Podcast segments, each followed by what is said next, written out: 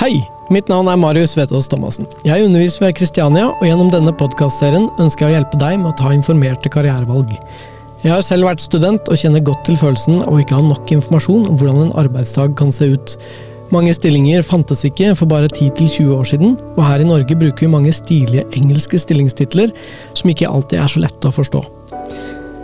Manglende kjennskap til arbeidslivet kan bety at man tar dårlige eller kortsiktige valg, og at bedrifter ikke tiltrekker seg riktige profiler.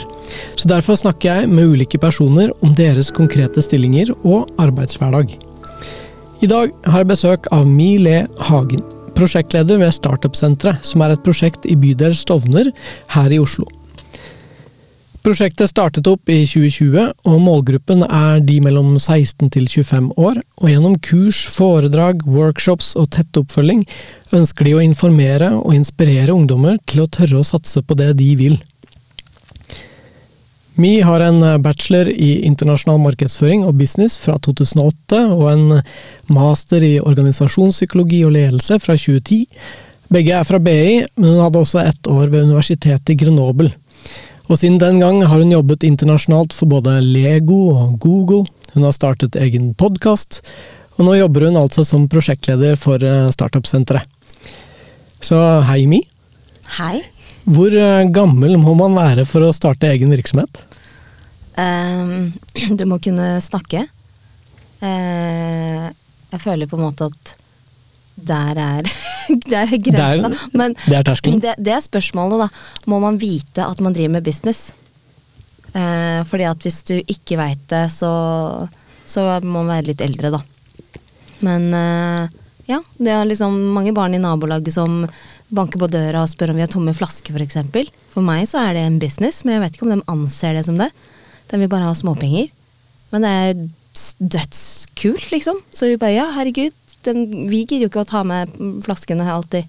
Vi bare, Det hoper seg opp, og så er det noen Ja. som kommer og henter det.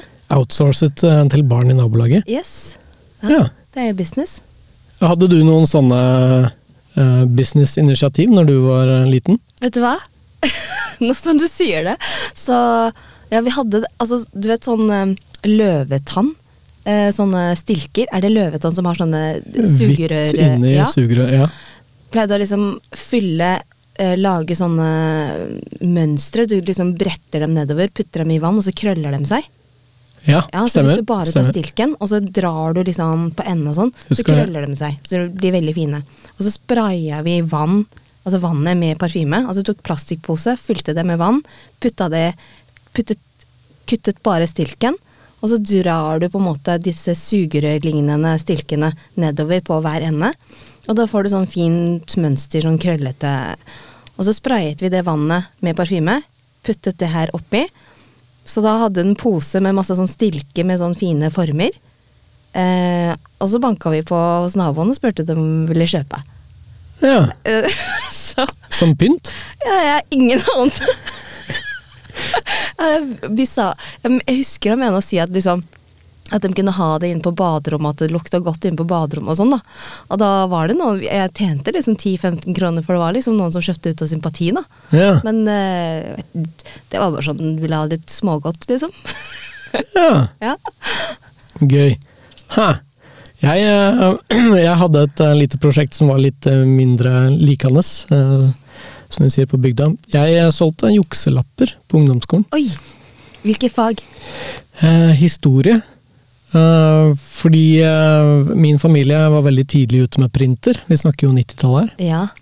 Og så var det en eh, prøve som jeg, jeg følte at ok, nå må du få bra karakter, Marius. Du skal jo bli noe når du blir voksen.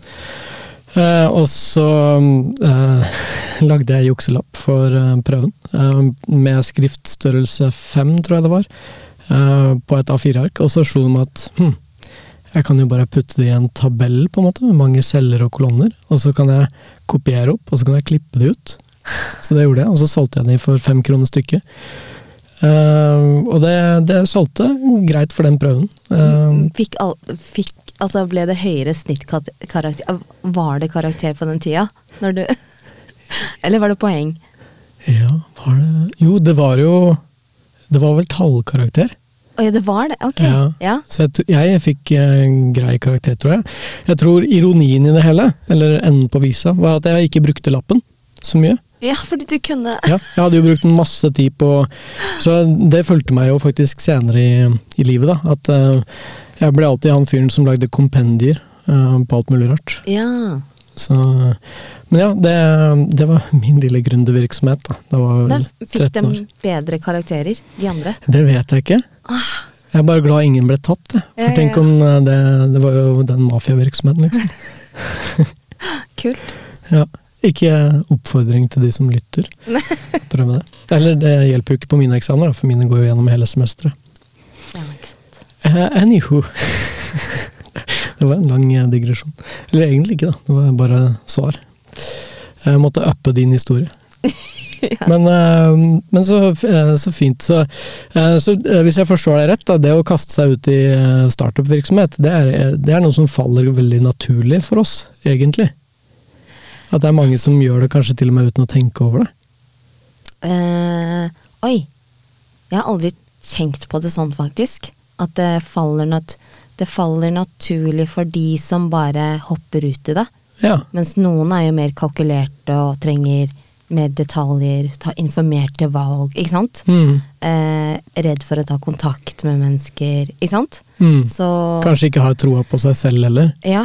Og så at det føles teit. Herregud, kan ikke gjøre det. Hva tenker Ja. folk? Ja. Så, Du har jo en historie fra der du jobber nå, eh, om han som eh, begir seg ut i standup. yes. Kunne du ikke sagt litt om, for jeg syns det var en veldig fin historie. Jo, fordi um, Startup-senteret jobber jo med ungdom i 16 til 25. Og Mhm. så har vi, vi lagde en brosjyre som skulle rekruttere til et gründerprogram som skulle gå over fem uker. Og på forsida så sto det 'Ønsker du å Eller drømmer du om å leve av din lidenskap? Og det greia var at liksom, jeg tenkte hvordan skal man selge gründerskap til ungdommer uten å si 'vil du starte egen business'? Det er få som tenker på det, ikke sant. Og um, han ene deltakeren, han, han ble veldig trigget av den setningen. For hans drøm var å leve av standup. Og ehm, så en av de første samlingene vi hadde, så var det første gang når han introduserte seg, eh, at han sa høyt at han drømte om å bli komiker. Ja.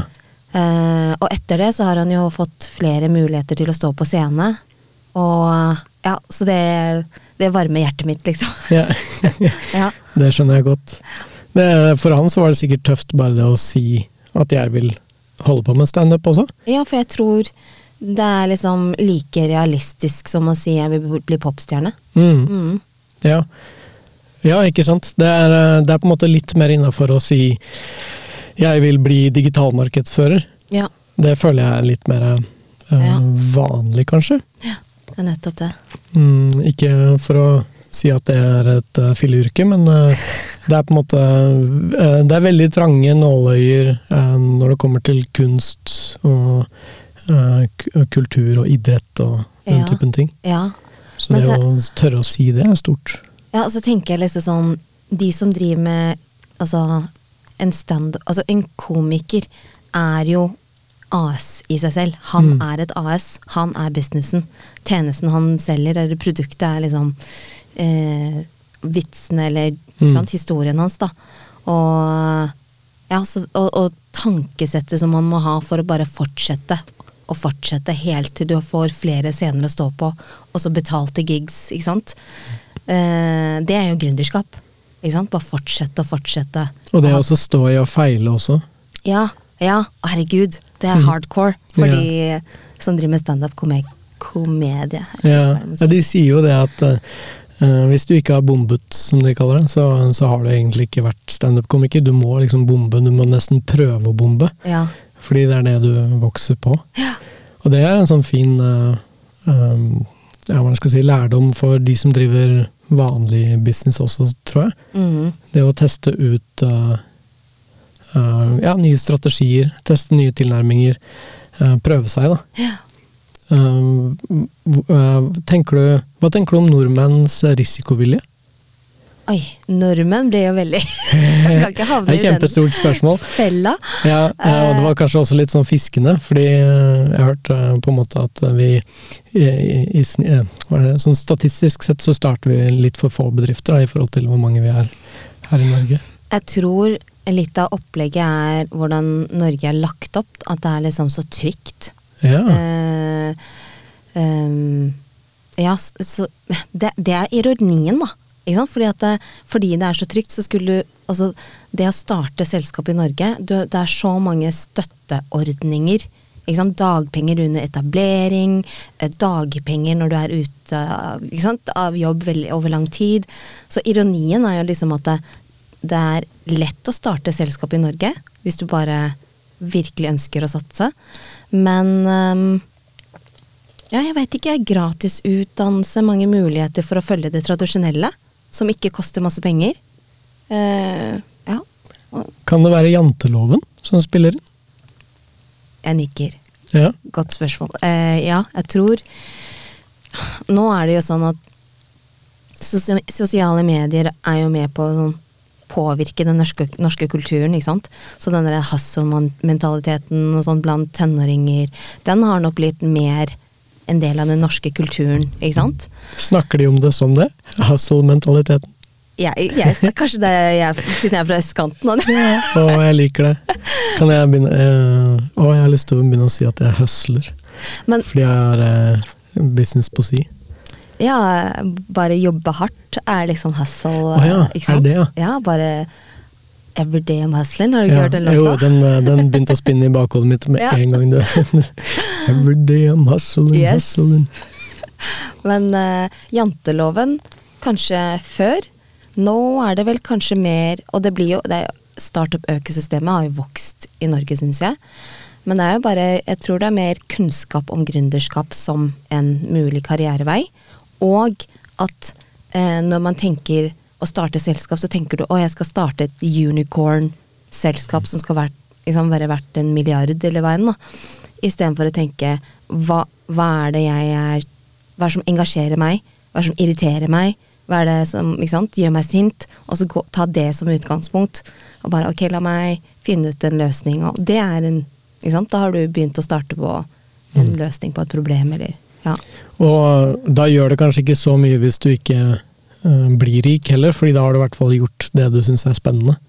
Ja, det er Hva skal jeg si? Det er også det som er synd med sosiale medier, at den derre hustle-kulturen som, som da viser rikdom og bil og privatjet og hva enn, eh, får folk til å tro at det er suksess. Mens eh, når man blir eldre, som vi har blitt, si, så er det sånn å få lov til å drive med det man er opptatt av, som er eh, virkelig lykke. Mm. Ja, virkelig. Det, Klisjé. Æsj. ja, men det kunne vi sikkert tatt en egen episode bare om det. Ja. men eh, det, Og det er en lang reise, da. Det skal jo sies at eh, eh, for min del så, eh, så var jeg ikke moden nok for det for 10-15 år siden. Mm. For jeg var nok ikke bevisst nok det jeg virkelig liker, det jeg virkelig brenner for. Da er man jo liksom på, på sånne kjerneverdier, da, på det nivået der. På kjerneverdier og på, og på hobbyer som, som kommer og går gjennom livet. Da. Eh, Hva kan man gjøre noe mer ut av? Eh, Hvordan, hvordan gjør eh, Hvordan skaper dere en arena for unge mellom ja, 16 til 25 som gjør at de selv oppdager disse tingene? Vi stiller spørsmål. Det er liksom det som Jeg tror på en måte at jeg er overbevist, faktisk, om at du hadde funnet ut av det hvis du hadde noe à la en mentor, ikke sant, eller en coach eller hva enn, da, som hadde stilt deg spørsmål som hadde fått deg til å reflektere over ting du kanskje ellers ikke hadde tenkt over, da. Og da hadde du fått Altså, så i um, Altså når man skal starte selskap og du har en produkt eller løsning, så må du sørge for at det er et marked for det, ikke sant. Så du driver med markedsundersøkelse. Så er det en metode som heter the why method, som er så kompleks at det bare handler om at du skal stille spørsmålet hvorfor. Så man stiller spørsmål i f.eks.: Marius, hvorfor har du kjøpt den mørkeblå genseren der? Og så sier du jo Eller hvorfor har du kjøpt den genseren? Og så sier du jo, fordi den er mørkeblå. Så spør jeg hvorfor er du opptatt med at den er mørkeblå? Jo, fordi at den Fikk jeg er lyst til å teste det i praksis. Har du lyst til å prøve? Ok, Spør meg om eh, hvorfor jeg kjøpte den genseren. Ok, hvorfor kjøpte du den genseren? Eh, fordi den er eh, Vent litt, vent litt. Ja. Regelen er én setning. Oh, ja, Ok, ja? Fordi den både er komfortabel og stilig. Ok, hvorfor Nå, nå var du lur og liksom lurte inn to ting. Ok, hvorfor er du opptatt av at den er, skal være komfortabel? Eh, fordi eh, når jeg skal se stilig ut, så skal det ikke være ukomfortabelt, og jeg må se stilig ut ofte. Ok, Og hvorfor er du opptatt av at den skal se stilig ut? Eller at du skal se stilig ut? For jeg ønsker å fremstå profesjonell. Hvorfor ønsker du å fremstå profesjonell? eh, fordi jeg ønsker å bli tatt på alvor. Hvorfor ønsker du å bli tatt på alvor? Fordi øh, jeg øh, Det er et godt spørsmål. Eh, ja, jeg tror kanskje jeg kommer tilbake til eh, eh, Dette er jo så interessant med det her. Jeg kommer nok tilbake til liksom mine egne sånne høydekomplekser. For jeg har alltid vært kort. Så jeg ble ikke tatt på alvor da jeg var barn. Ah, Så ved å liksom uh, uh, Jeg har blitt tatt på alvor på andre måter, da. Prøve å være smart, prøve å se smart ut. ah ikke sant? Så, ja. Ja. Så det er en dypere grunn til hvorfor den genseren ble valgt. Mm, Ikke fordi den var mørkeblå, ikke fordi du skal se stilig ut, men bare sånn du skal bli tatt på alvor. Mm. Fordi historisk sett, liksom, si, i din barndom, så Så fint. ja. Sender du faktura nå? Fordi nå følte jeg meg eh, terapeutisert her. Ja, men, men, men det er liksom tilfellet Mm. Um, når vi, eh, vi skal utforske verdiene til ungdommer. Eh, de som er gode på engelsk, så kjører jo bare en sånn gratis test. Og det er ikke noe vi har utviklet, så hvis man, tror, hvis man googler sånn personal values test, så tror jeg det er sånn personalvalues.es. Og da er det en gratis eh, personlige verdier-test. Og så får du opp liksom topp fem verdier etter å ha tatt den testen, da. Men eh, ellers så kjører vi liksom Det er 100 ord, og så skal ungdommene velge ti ord som på en måte de eh, Som er viktige for dem, og så etter hvert så må de redusere ned til fem, og så til tre, og så kjører vi liksom hvorfor, hvorfor, hvorfor. Sånn at de forstår hvorfor de verdiene er viktige for dem. Så eh, da blir de kjent med verdiene sine, som jeg sier er ditt indre kompass. Det gjør at du sier ja til noen ting, og nei til noen ting. Ja, noe å styre etter, rett og slett. Ja, Ja. ikke sant? I møte med muligheter og, og verden for øvrig, egentlig. Ja, ikke sant? Både utdanning, jobb, venner. Kjæreste. Ja. Ja. Hm. Så ja. Så det høres jo ut som om eh, startup-senteret, selv om eh, startup ligger i ordet, og målet er kanskje å F.eks. som det står på Instagram at, på profilen deres at um, tjen penger på det du liker å holde på med, Mm. eh, så høres det ut som det er et, eh, en, en litt sånn bredere eh, mandat eh, som går ut på å liksom, ja, hjelpe folk til å bli kjent med seg selv og finne frem i livet. da. Ja, det er jo liksom bakt inn litt sånn livsmestring inn i det. Det er så Ja. usexy, for jeg tror livsmestring står liksom i eh, utdanningsprogrammet, ikke sant. Så jeg kan ikke si det. Men eh, så, så vi kaller det bare for sånn vinnermentalitet, ikke sant. At, eh, og det, det samme er jo sånn utgangspunktet i når du skal starte selskap, så bør du holde på med noe som du er veldig opptatt av. Altså problemet du løser. Og, så da bør de være i tråd med verdiene dine, ikke sant? Eh, for da holder du på lenger. Eh, Istedenfor sånn, og målet er å nå Du skal liksom ha så og så mye investering fra, ikke sant. Du stopper jo opp der, fordi da har du nådd det målet. Then what? Ikke sant? Men hvis målet er mye mer betydningsfullt for deg, så bare fortsetter du til liksom Ja, du skal bare løse dette problemet. Ja. Hva Ja. var spørsmålet? Jeg bare snakker. Jeg vet ikke. Det, jeg har ikke peiling. men, men det er veldig fint, det. Eh, Jeg savnet jo kanskje mer fokus og den typen her på, eh, på videregående, for egen del. Ja. At det ble snakket mer rundt, eh, rundt mulighetene man har eh, på, på den måten her, da. Eh, At ikke livet er så utrolig lineært, og at alle skal gjetes videre som en saueflokk. Mm. Eh, Vi er jo et lite land, så vi har jo på en måte privilegiet i det, at vi er få, og da kan vi også ha mer fokus på hver enkelt. Mm, Um, enig. Er det mer eh, fokus på individet nå enn tidligere, tror du, i Norge? Gjennom denne typen initiativ? Uh, hmm. Vi har jo også hatt uh, Ungt entreprenørskap uh, på den podkasten her, Mm. eh, som holder på med studentbedrifter. Eh, og det også var noe som ikke hadde så mye fokus når jeg var student, så det virker mm. som om det hele Unnskyld. det virker som om det hele tiden ja, kommer nye initiativ, nye organisasjoner som sikrer at, at ja, folk får utforsket mer, da. Ja, og så tror jeg også, eh, med tanke på liksom, de naturlige ressursene til Norge med sånn olje, fisk og, og gass ikke sant? Det er sånn Det er ikke bærekraftig. eh, svenskene har jo andre ting, ikke sant. Ikea og Volvo Ja. Så vi må inn i ja, innovasjon og entreprenørskap for å løse morgendagens problemer. Ja, ja uh, don't get me started, men jeg syns det er veldig, uh, veldig trist at Norge ikke uh, legger seg i front da, på en del områder hvor, hvor vi åpenbart har en mulighet. F.eks. atomkraft, som står meg nært. Oh, ja? Eller blockchain. Hvorfor eller, står det deg nært? Um, var det veldig, da? Um, nå får jeg snart piller fra deg her på, for hostinga. Ja. kanskje jeg skal ta en. Vi, vi spiller inn denne episoden litt uh, sent på, på, på kvelden. Fordi vi har jo faktisk en uh, dagjobb. Uh, så sånn. Så jeg hadde litt sånn grufs i stemmen etter en lang dag. Jo, fordi jeg studerte jo til master i elektronikk når jeg, når jeg gikk på NTNU, som hadde mye fysikk i seg, så jeg ble veldig eksponert for hele den, den atomkraftdebatten og teknologien og, og det som skjer av utvikling. Og har skjønt mer og mer at det er jo eh, et felt som har blitt øh, Jeg vet ikke hva det riktige ordet er, men er veldig motarbeidet da, i fire tiår. Svartmalt, liksom? Ja, svartmalt er jo kjempebra. Eh, Og nå er det jo ingen politikere som tør å ta i det. Og eh, dessverre ikke Jo, til en viss grad, da, men eh, utdanningsinstitusjonene også burde ta mer tak i det. NTNU kanskje spesielt, eh, og Sintef har jo sikkert masse fokus på det, men, men dette kunne vært hovedfokuset vårt.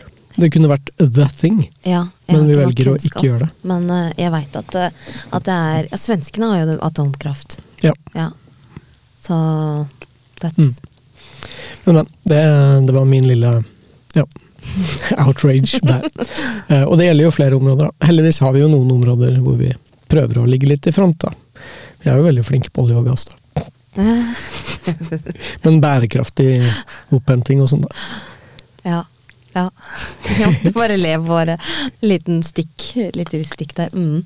Vi kan, vi, vi, kan la den ligge død. Er, jeg syns det er så morsom, en litt sånn morsom eh, diskusjon. For nå er, nå er liksom Stemningen i Norge er ja, vi må slutte med olje og gass, men eh, det er viktig at Norge fortsetter, fordi vi er i hvert fall flinke på det. Det er et Ja. merkelig argument. Ja, det er liksom Jeg skjønner jo på en måte at realistisk sett så må man ha en sånn exit. Altså hvordan skal Mm. man Ja. Ja. Man har ja, noe annet å gå til. Mm. Så man kan på en måte ikke gå cold turkey. Mm. Det skjønner jeg. Så sikkert mye mer kompleks enn det de fleste forstår.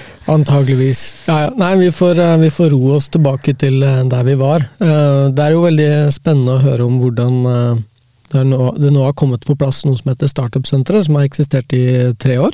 Mm -hmm. Og som lar ungdommer og unge voksne få, få satse på ideene sine. Yes. Men hvordan havnet du der? Fordi vi jobbet jo sammen i Google for tolv år siden. Oh. Som eh, føles som et eh, halvt liv siden. good times. Eh, kanskje vi skal gå enda lenger tilbake også. Hva, hva var det, Du studerte jo da på BI. Stemmer. Du startet med en bachelor i markedsføring og business, og så kom finanskrisen. Mhm, 2008. Spennende tid. Yes. Da var jeg ganske skolelei etter bacheloren. Så jeg skulle ikke Da skulle jeg ut i jobb. Og så Jeg fikk faktisk en jobb som eiendomsmegler. det var liksom akkurat de månedene, holdt på å si, før den loven hvor det var sånn du må ha eiendomsmeglerutdanning for å være eiendomsmegler.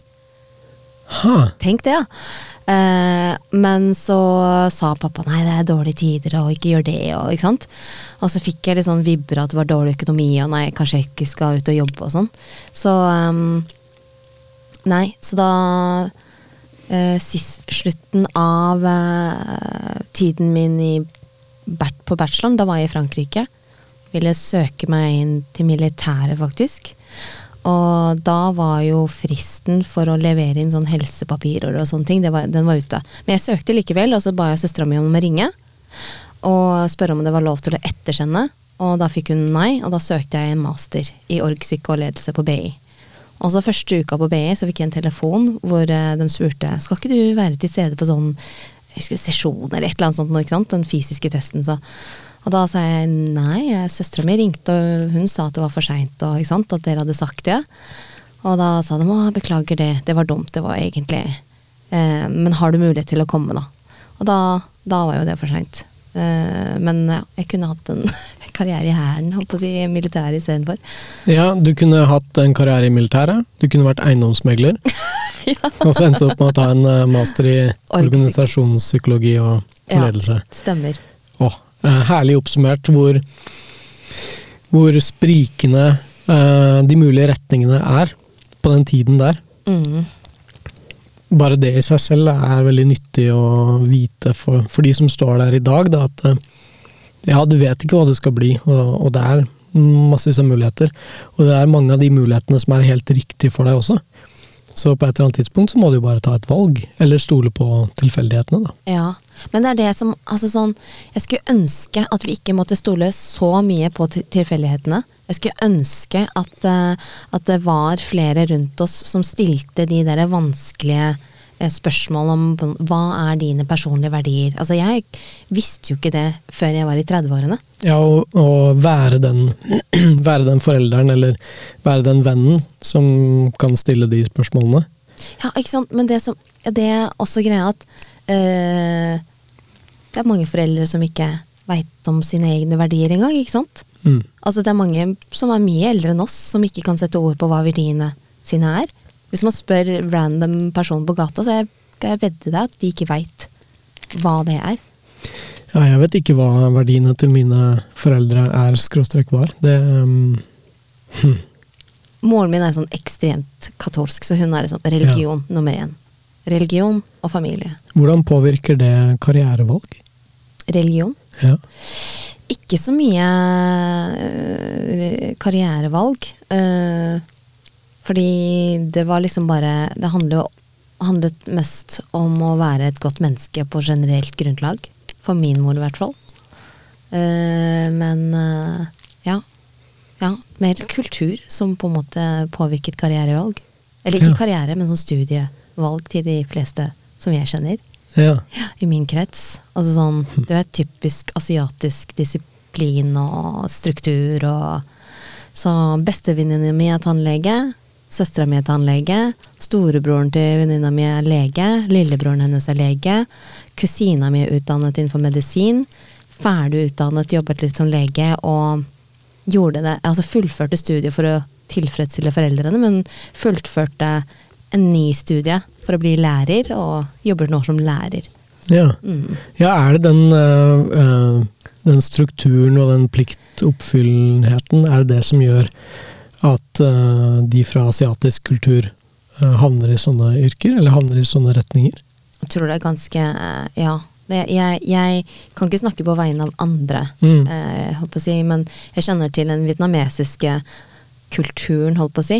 Ja. Eh, og det, altså, først og fremst, det handler det om på en måte bare kunnskapen til foreldre i forhold til hvilke yrker som er mulige, ikke sant. Mm. Og eh, foreldre, eller faren min spesielt, var vel sånn Folk kommer aldri til å slutte å dø og bli syke. Så? Så helsesektoren er safe bet. ja. Uh, så det er liksom logikken, og jeg tror bare det den veit. Ikke sant? Eh, og så er det også selvfølgelig sånn litt status og sånn, ikke sant. Det tror jeg ikke man skal legge skjul på. respekterte yrker. Ja. Fordi folk vil jo alltid ha behov for um, uh, standup-komikere også. Ja. Men uh, det tror jeg aldri min familie sa at uh, Marius, du burde ikke bli standup-komiker, det uh, Men ja. kanskje hvis du hadde vært dødsmorsom, tror du Jeg vet ikke. Hvis du hadde vært skikkelig quick på Ja. Nei, jeg skal ikke legge for mye skyld på, på familien, men jeg følte jo at skøyeren i meg ble lagt lokk, lagt lokk på mellom mellom 10 til 30, kanskje. 10 til 30 for en range. Ja, og ja, sånn fra 10 år til 30 år, så var, det, var skøyeren var på en måte Sånn, ja. stengt inni et kott. da. Ja. Uh, og det, det er jo veldig synd, da. Og det, uh, så det også er jo interessant uh, når man kommer opp i tidlig 20-åra. Men hadde man- du Ja. fått kommentarer, liksom? Eller hva var greia? Jeg vet ikke. Og det, det vil jo Jeg vil jo sikkert bruke resten av livet på å finne ut av det. Men det beste er jo å komme tilbake til det. Ja. Så komme tilbake til skøyeren. Og eh, jeg håper jo at eh, alle kan legge ut på en sånn reise hvor de finner tilbake til ja, hva var det eh, jeg hadde dypt inni meg som, som jeg hadde lidenskap for. Da er vi jo litt tilbake til det igjen nå. Ja. ja. Jeg, jeg ble skikkelig nysgjerrig nå. Ja. Og, ja, hva var det som skjedde i rundt den tiden? Nei, jeg, jeg tror det er såpass enkelt at uh, for meg så var ungdomsskolen veldig utrygt. Ja. Og, og det, da legges mye lokk på, ikke sant. Både uh, følelseslivet og, Mm. og ekspandering, som vi sier i skuespillet. Det at du, du byr ikke på deg selv, du bruker ikke kroppen. Eh, Ja. ja. Blir litt sånn kald og innesluttet. Så trist. ja. Følte du at liksom det var noen Eller når følte du at du eh, var trygg på deg selv igjen? Nei, det var et par ganger i fjor, da. Nei. Nei. Neida. Uh, artig. Nå, nå er det du som stiller meg spørsmål. Ja. det liker jeg. Um, ja, nei, det er et veldig godt spørsmål. Uh, jeg tror um, Jeg leste boka um, Homo sapiens Ja. i 2017, tror jeg det var. Og eh, eh, man skal ikke koke alt ned til en bok, det er mye, mange ting som spiller inn der. Men jeg, jeg vil jo kanskje komme opp med et tips, da, uh, ut ifra denne prosessen jeg har vært gjennom. Den boka den eh, satte ting veldig i perspektiv for meg, så den fikk meg til å tenke at det er jo ingenting som betyr noe, egentlig. Så, så den lærte meg å gi litt mer F. En, en setning fra den boka som, som på en måte Eller sånn oppsummert som ga så mye impact på deg at du, ja, du lærte noe så stort. Om jeg husker én setning? Ja, ikke, ikke, du trenger ikke å liksom sitere, men liksom eh, ja, Altså, eh, ja uh, uh, når, når vi Eller når jeg Samboeren min er jo sosionom, hun sier alltid 'ikke si mann eller vi, si jeg'. når jeg gikk på skolen, så fikk jeg jo veldig sånn inntrykk av at alt som har skjedd i verdenshistorien, og all forskning og teknologier og alt vi liksom holder på med som mennesker, er så utrolig viktig. Uh, at det var utrolig viktig at eh, bilen kom, og viktig og det og det. Men egentlig så er jo alt bare på en sånn lang utviklingstidslinje fra år null for oss, som er 70 000 år siden, tror jeg det er. Det burde jeg sikkert, sikkert sjekke, jeg tror det er det. Eh, Og fremover kanskje i 70 000 år til, da. Eh, Ikke for å komme en spådom om når menneskeheten går under, men eh, la oss si vi er midt, midtveis, da. Eh, Og om 70 000 år, da, så er det jo ingen som kommer til å bry seg om, om hvor fin bilen ble til slutt. eh, Eller hvor mye kunstig intelligens vi kom opp med. Fordi da er det på en måte over. Så eh, at the end of the day så må jeg bare bry meg om mine eh, ja, 70, 80, 90 Oi, bank i bordet. eh, år, år på, denne planeten, og gjøre det beste ut av det og for de rundt meg, da. Eh, Er det en anbefalt bok? ja, herregud. Homo sapiens, ja. ja det, er, ja. det er den viktigste boken eh, jeg har lest. av skal vi si, Jo, Yuval Noah Horari, tror jeg han heter. Noterer. Ja. Begynner å merke effekten av å spille inn denne episoden på kvelden. Fortell. Ja, Vi blir mer casual. Å ja, er det det? Ja, det er artig. Ja. Hm. Vi har ikke fått i oss alkohol, bare sånn at det er sagt. Ja, Bare noen Ja, urtepastiller. ja kanskje, kanskje de er litt rare. Funky urtepastiller. Begynner å stamme og gitt. Ja, nå skal jeg knase i stykker den urtepastillen, fordi den var sinnssykt stor. Mm, Kan ikke du si um, uh, hva, er det, hva er det mest inspirerende boken du har lest? Oi, ja. Uh, vet ikke om den havner innenfor mest inspirerende, men det var liksom den som jeg fikk en sånn skikkelig aha-opplevelse av. Og det er en bok som heter The Seven Habits of Highly Effective People. Og jeg trodde at det skulle være sånn boom, boom, boom, dette er de sju stegene til hvordan du blir supereffektiv. Men det var det ikke. Det var mye dypere. Og den ene delen i boka hvor den snakket om viktigheten av å ha en visjon, og hvordan alt i livet er skapt minst to ganger det var litt sånn skikkelig aha. Ja, la meg fortelle deg. Eksempelet var eh, eksempel hvis du skal bygge et hus, så må du ha en klar idé i hodet ditt. En klar visjon for hvordan huset ditt skal se ut. Crystal clear. Jo tydeligere den visjonen er, jo mer sannsynlig er det for at det huset blir sånn som du ser for deg i hodet ditt. Idé i hodet. Skapelse nummer én. Og så involverer du en arkitekt, og så må du formidle ideen i hodet ditt.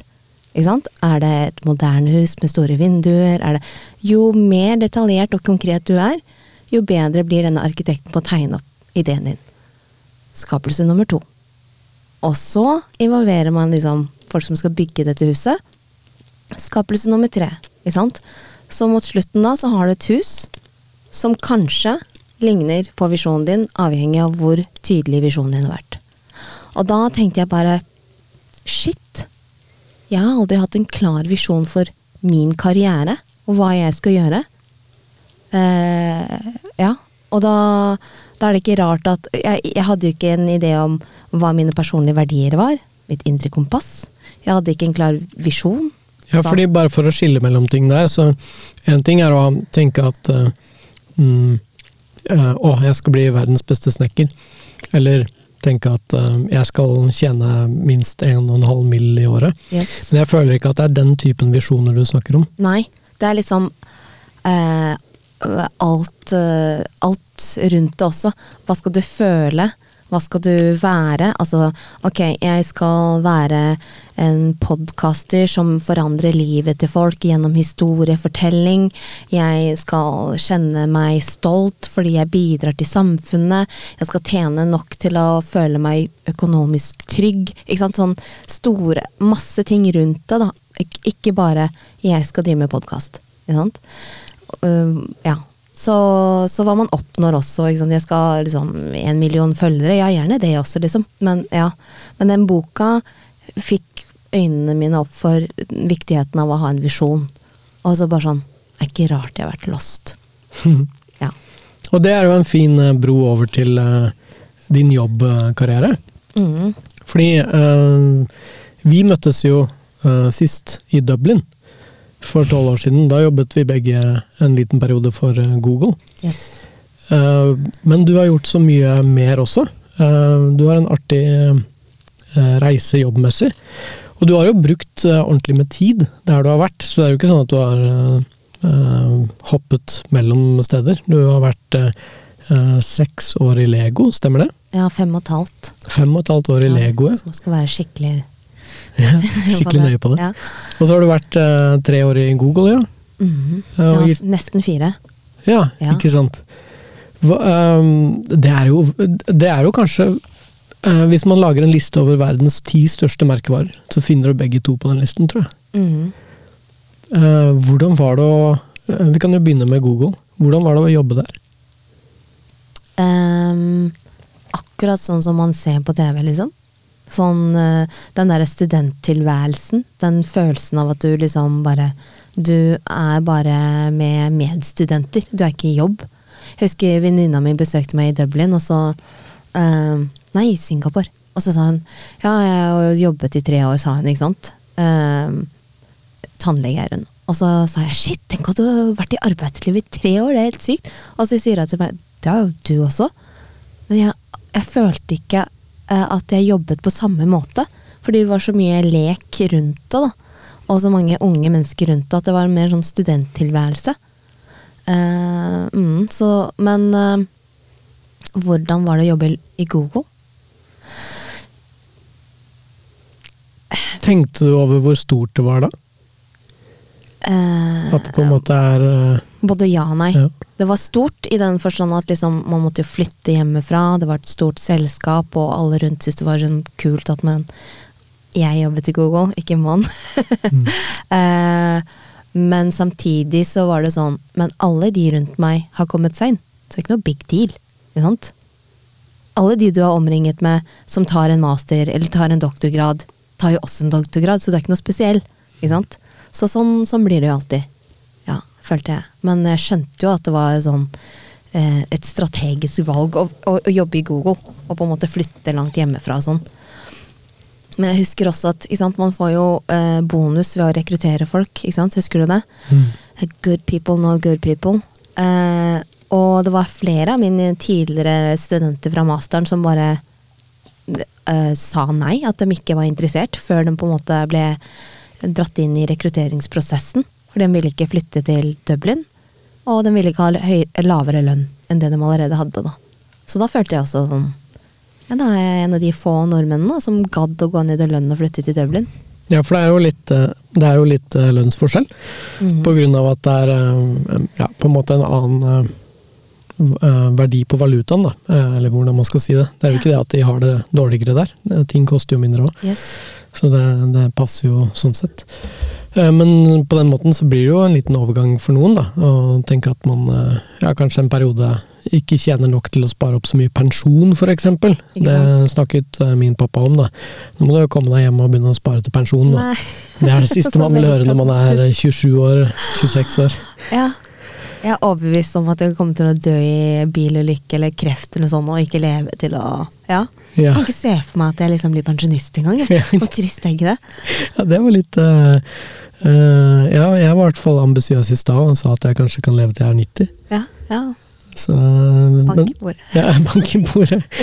Eh, Nei, man må spare til pensjon, da. Men uh, i de årene der, så kan man tillate seg Og det jeg mener med de årene er- der, da, så er jo det kanskje 20-åra, hvis man ser litt grovt på det. Mhm. Så kan man tillate seg å leke litt for å finne ut hvem man er, da. F.eks. flytte til utlandet og ta på, ta på seg en jobb som kanskje ikke betaler godt, men som gir en helt vanvittig god erfaring, og er gøy, da, ikke minst. Ja. ja. Når det er sagt, så er det sånn, jeg tror ikke jeg innså verdien av Altså, det var jo ikke dårlig, fordi vi hadde jo kvartalsvis bonus, vi fikk jo aksjer som jeg fortsatt sitter på, ikke sant. Så det var jo sånn der og da Jeg sjekket jo aldri aksjene og aksjeverdien. Det var på en måte bare noe man fikk, og så Det var bare når jeg sa opp og skulle, ikke sant, at jeg bare Hei, nå må jeg sørge for at jeg får med meg aksjene mine. Og da tenkte jeg oi, herregud, det var jo ikke sant, ganske god deal. Ja, Ja. ja og det, det var uh, et første møte med aksjer òg, kanskje. Det var det. Ja, Det var spennende. det. Så, Men så uh, dro du til den andre store merkevaren, mm -hmm. uh, som vi alle har et forhold til. Eh, varmt, eh, gjerne. Lego. Yes. Eh, hva gjorde du i Lego? Jeg var Key Account Manager der også. Altså Key Account Manager er jo sånn Du er ansvarlig for de største kundene. Ja, Innenfor salg så pleier man å dele liksom 80-20, dvs. Si liksom 20 av kundene gir 80 av inntektene, ikke sant. Så jeg var jo det for Oi, er det Nei, jeg så på tiden bare. Ja. Um, så, så det jeg gjorde, var eh, eh, Jeg var ansvarlig for å ha kontakt med alle de um, innkjøperne, hovedsakelig, uh, i dagligvarebransjen. Ja, innkjøperne av Lego, rett og slett. Stemmer. Ja. Så mm, I hvilke markeder da? Uh, Hovedsakelig Norge, Uh, som for eksempel Coop Norge, Nille. Eh, men så senere, mot slutten, så tok jeg også over Ica Sverige og Coop Sverige. Ja. Så liksom de store dagligvarekjedene. Ja, fordi man selger Lego i dagligvare også. Ja, sånne hybrid, liksom sånn hypermarkeder, vet du.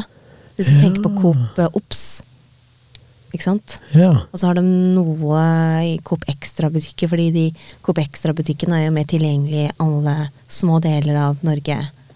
Easy access. Men, eh, men det var en skikkelig overgang fra digitalt, digitale produkter til fysiske produkter. Du har jo masse data og informasjon. Hvis en kampanje går dårlig, så kutter du pluggen med en gang? Eller du gjør et eller annet. Men eh, Lego er jo det er jo et moteprodukt. Du planlegger seks måneder i forveien. Det er jo lansering av nye altså nyheter. Eh, ja, og så må du sørge for liksom riktig eh, stock turn og liksom retail closing stock. Altså kunden skal ikke ha for mye butikk, fordi de skal jo ha nok plass til å ta inn nyhetene. Det kan ikke være tomme hyller, men den kan ikke være overfylt heller.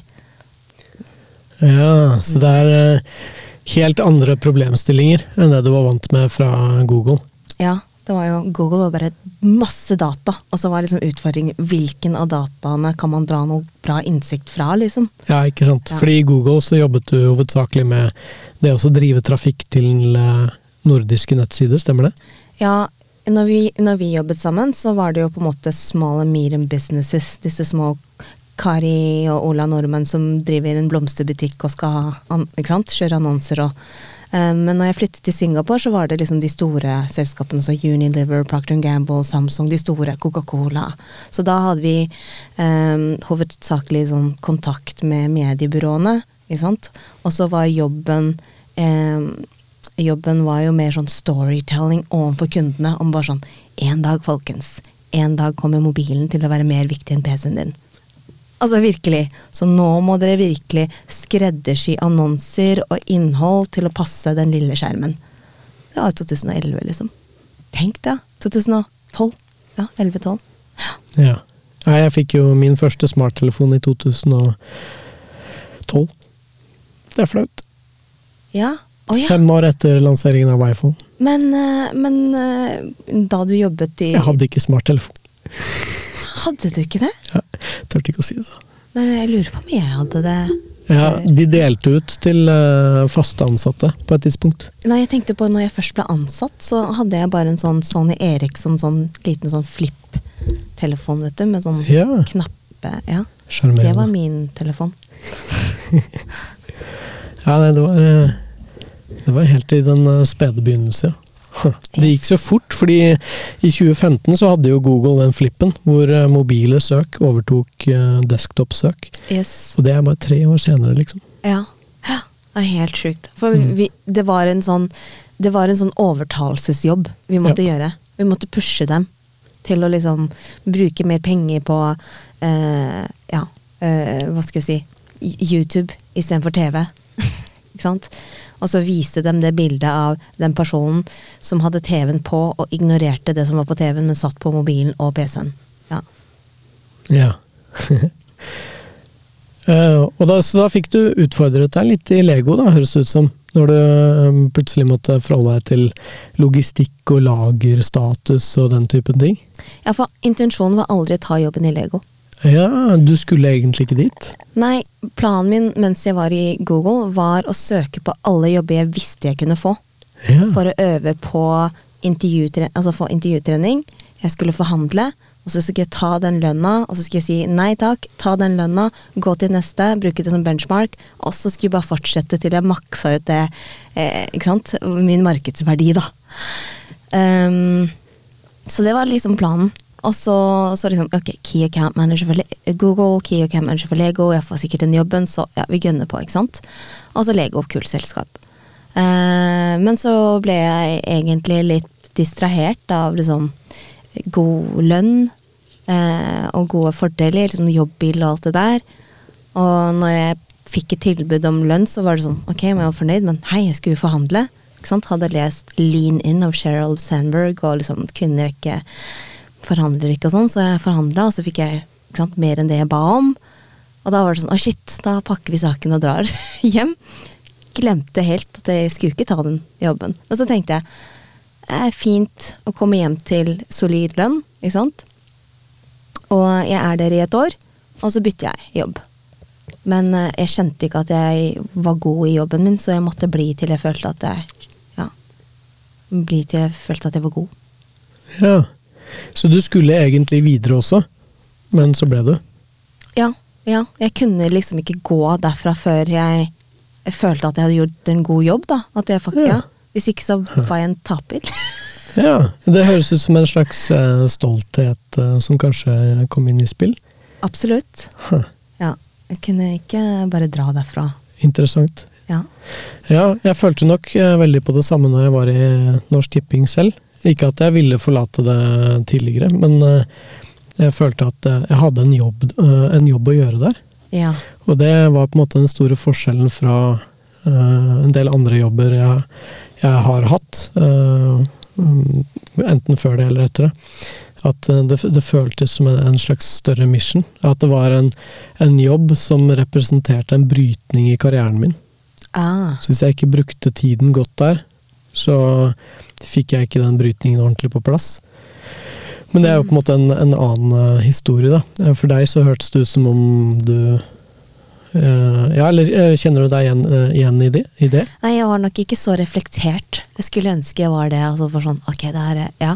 Ja. Jeg, jeg, jeg bare tenkte jeg kan ikke dra, dra herfra uten å ha følt at jeg har mestret det. ja. Ja, Og forstått det. Men det var nok bare det jeg tenkte også, så jeg, det kjenner jeg meg veldig igjen i. Jeg tror jeg ikke hadde dette metaperspektivet på det som, som jeg har nå, Nei. Eh, så det er kun i retrospekt. Ja. Betyr det at vi er blitt skikkelig gamle, liksom? Ja, jeg tror det. Eller veldig sånne litt sånn selvgode podkastere som kan eh, snakke i timevis eh, på metaplan. Sikkert sykt irriterende å høre på. Kanskje det. Tenk, tenk, om, eh, tenk om de syns det her er bare sykt irriterende. Send meg gjerne en mail på mariusvth at gmail.com. Irriterende. ja. Åh, håper noen tør. Eh, men eh, eh, Ja, og apropos podkast. Fordi når du forlot eh, Lego, Ja. så skjedde noe stort i livet ditt. Du Ja. fikk barn. Ja, jeg fikk barn i 2018. Jeg Ja. forlot i 2019. Ja, ikke sant. Ja. Så det kom først, ja. Mhm. ja. Ja. Uh, ja, men uh, Men uh, ja. Jeg forlot Lego i 2019. Du kunne fått masse gratis Lego til hele oppveksten. Ja, shit, jeg forlot liksom da jeg trengte det mest. ja. Men nei, jeg har jo fortsatt gode kollegaer og får goder, da, for å si det sånn. Så det, ja. ja. så bra. Det er jo faktisk veldig dyrt med Lego, så det har en viss verdi. ja. Men øh, jo, du fikk barn, og du startet rett og slett en uh, podkast hvor du snakker til dattera di. Mhm. Eh, fortell litt om det. Jeg skulle jo gjøre så mye rart. da Jeg skulle liksom studere, og jeg hadde lyst til å gjøre masse rart. Men eh, så følte jeg også at jeg hadde mye å dele. Sånn ja, fra alle tingene jeg har erfart i livet. Men kjente veldig sånn Hvem er jeg til å kunne dele noe som helst? Og så tenkte jeg hvis jeg dedikerer det her til dattera mi, så, så kan jeg snakke og dele visdom til henne uten at noen kan si eh, hvem er du til å dele, liksom? Ja. For da var det sånn Glem deg, det er ikke til deg, det er til dattera mi. Ikke sant? Så da, ja, podkasten heter jo To my daughter. Og eh, ja, da deler jeg alt fra liksom jobberfaringer, forhandlinger, tanker om meg selv og tanker om kropp og ja, Ja. mye forskjellig. Som hun skal kunne høre på når hun blir litt uh, eldre. Ja. Eller i hvert fall um, du, du har jo vært inne på, når vi snakket før, før vi gikk på her, at du, du startet jo å snakke på engelsk Stemmer. på denne. Så hun vil jo først kunne høre den når hun ja, mestrer engelsk. Ja, så det var jo så dumt, for jeg tenkte liksom at andre folk kanskje ville høre det også. Ja. Men så fikk jeg en sånn ex, existential hva, si, hva sier man? Eksistensiell- krise. Ja, tusen takk. Mm, jeg har hatt noen av de, så det Ja, altså Hvis jeg dør i morgen, Ja. så vil jeg at hun skal kunne høre på det. Mm, Og da tenkte jeg nå skal jeg starte på norsk. ja. Ja. Men det tar så lang tid å redigere og sånne ting, så ja. ja. Litt nedprioritert nylig. Ja, stemmer. Men uh, nok et eksempel på hvordan du bier deg ut i uh, spennende prosjekter litt fryktløst, da. Uh, eller ikke litt, det er jo fryktløst. Og du har en egen nettside hvor dette presenteres, og Ja, det man betaler jo for Det er liksom Buzzsprout, som er den plattformen som man betaler for, da. ja. Så de har liksom en enkel landingsside og ja. Ikke noe mer komplisert enn det. Også, ja, ikke sant, ja. Så det er en podkastplattform. Stemmer. Skjønner. Så med en gang du legger ut en episode, så spres den til liksom Apple og Spotify. Ja. Men jeg har faktisk lekt med tanken om at jeg ikke skal bruke plattformer lenger. Jeg skal bare ha en egen nettside og de som vil høre, må til min nettside. Så det er en plan. Ja, og så har man jo noe som heter eh, Ja, så var det å komme på det, da. Men sånne plattformer for um, mikrodonasjoner, hvor du kan spre innhold. Ja, ja, ja. ja. Vet du hvem jeg tenker på? Um, ja, det er så mange som har sånne Ja, jeg vet det. Det er så mange som driver med det på ah, På LinkedIn. De driver og deler det inn. Ja, og prøver å få Følgere oppmerksomhet, følgere. Ja. ja. jeg kommer ikke på hva det er, men heller. det er ikke så vesentlig. Eh, Substack. Å ja. ja, det var ikke den jeg tenkte på, men Nei, det finnes eh, garantert flere. Ja. Uh, ja. Anywho, prøv å distrahere hodet mitt vekk fra det igjen. Blir, blir så opphengt i å finne sånne navn når man først begynner å tenke på det. Uh, men kommer du, til, ja, du kommer til å starte opp igjen podkasten, tror du? På, Ja. på norsk? Absolutt. Fordi jeg, når jeg tenker på det jeg har lyst til å dele med henne, så vil jeg liksom dele historien til foreldrene mine, eksempel. Altså kjenne besteforeldrene sine, både svigermor og foreldrene mine, og den flyktningsreisen som de har vært med på. Eh, Dattera mi er jo kvart norsk, kvart nigeriansk og halvt vietnameser. Så jeg er jo født og oppvokst her, men begge foreldrene mine er vietnamesere, og mannen min er halvt norsk og halvt nigeriansk. Så jeg vil på en måte at hun skal vite ja, historien da, til, til, besteforeldrene sine. Ja. Høres veldig fint ut. Mhm. Ta vare på det, ja. Ja. Mm. Ja. eh, som barn så er man jo ofte ikke flink nok til å stille spørsmål heller. Nei. Så eh, kanskje rett og slett være litt proaktiv og fortelle historier i stedet. Ja, ja. Og så kommer det jo kanskje litt eh, etter hvert da i barnehagen. Altså nivøen min, altså. Hvordan blir det? Ja, til, til mannen min, da. Eh, han, det var her for lenge siden. Han spurte jo sånn Mamma, hvor er jeg fra? Ikke sant? Fordi at noen hadde spurt han hvor han var fra. Ikke sant? Fordi han ser ikke typisk etnisk norsk ut, da. Ja. Så, ja. Og han er jo da eh, kvart nigeriansk, kvart norsk, halvt iransk. Eller persisk. Ikke sant? Så eksotisk look. Ja, Det kom- spennende. Ja, kommer jo kanskje etter hvert, da. Disse spørsmålene. Ja, de gjør jo ofte det. Jeg hadde en samtale med noen som har um, immigrert til Norge senest nå i helgen, om, om dette spørsmålet 'hvor kommer du fra?' og hvor Ja. irriterende det er for mange eh, immigranter. Men uh, vi er jo nysgjerrige, og eh, kanskje spesielt sånne som eh, Nei, nå skal jeg ikke trekke noen slutninger, men ehm, eh, jeg er jo oppvokst på bygda i Hamar, utenfor Hamar. Og, og det var jo på en måte ikke så Hva skal jeg si Eh, De som så annerledes ut, var ikke integrert. Nei. Eh, De var fortsatt litt på utsiden eh, på slutten av 90-tallet. Eh, Og det gjør jo at man får helt feil inntrykk, da. Ja. Og, og så er det ofte også dem, eh, som oppstår. Ikke sant? Så det har vært veldig viktig for meg å bare prøve å eliminere alle sånne tanker. Eh, Men det er jo en, hva heter det en slags eh, en kognitiv modell også. Det er sånn man ser verden på hvis man er født og oppvokst med det. Ja. Alle rundt en var helt eh, kritthvite og, og sånt. Nei, men jeg tenker spørsmålet om hvor kommer det fra, jeg syns den er helt fine. Mm. For min del, liksom. Fordi jeg Ja. forstår spørsmålet. Så når jeg, altså når jeg bodde i Singapore, for eksempel. Det var første gang i mitt liv hvor jeg bodde i et land hvor alle så ut som meg. Hvordan var det? Helt mind-blowing. Det var helt sykt. For da tenkte jeg sånn, herregud, er det sånn det er å være eh, en del av altså majoriteten? Eh, og så er man anonym. Eh, som er liksom, det er én ting å på en måte Hva skal jeg si Når du ønsker å sant, eh, skal, eh, skille deg ut, men når du ikke ønsker det, ikke du bare vil være, så og du ikke kan det pga. utseendet ditt, så er det annerledes, da. Så jeg tenkte liksom Ja, da, der kunne jeg liksom spise en boks med nudler uten å tenke at folk tenkte sånn Herregud, selvfølgelig sitter du der og spiser nudler, liksom. men, men ja. Men eh, Og da, fordi jeg ikke hadde den der singlish-aksenten, altså måten de snakket Ja, så spurte de jo hvor kommer du fra? Som er et legitimt spørsmål. Og når jeg da av automatikk svarte jeg fra Norge, som, ikke sant, ikke blant hår og blå øyne, så spør de men hvor er du egentlig fra, ikke sant, som jeg også forstår, da. Og så er jo oppfølgingsspørsmålet hvordan havna du der? Og da begynner man å bli nysgjerrig på foreldrene dine sine, sin reise, da. Ikke sant? Ja. Ja, jeg tenker den nysgjerrigheten for reisen er jo Den er veldig legitim. I hvert fall for en selv, men, eh, men også fra andre også. Eh, Jeg vil jo gjerne bli spurt om hvordan kan en Hamar-gutt havne i Oslo også. Eh, Ja. Det er jo faktisk noe i det òg. ja. Fortell, da.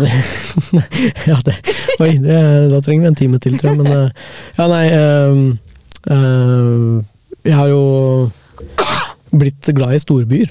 Ja. Så når jeg skulle tilbake til Norge, så var jeg litt på Hamar igjen, men så fant jeg ut at nei, jeg må jo til storbyen igjen. Så innså jeg i en alder av eh, 32 at jeg ikke hadde bodd i Oslo. Og oi! det var jo litt på tide. Så, Ja, fordi etter, etter Dublin så For jeg studerte i Trondheim først, eh, Ja. og så Dublin, og så eh, litt i Hamar, og litt i Ja, jeg var i USA, litt København et år. Um, så Oslo uh, jeg, jeg visste uh, hva Frognerparken var, liksom, til jeg, til jeg var 32. Oi! Uh, men nå har jeg blitt veldig godt kjent i Oslo. Hva gjorde du i USA? Jeg gjorde ferdig masterprosjektet. Kult.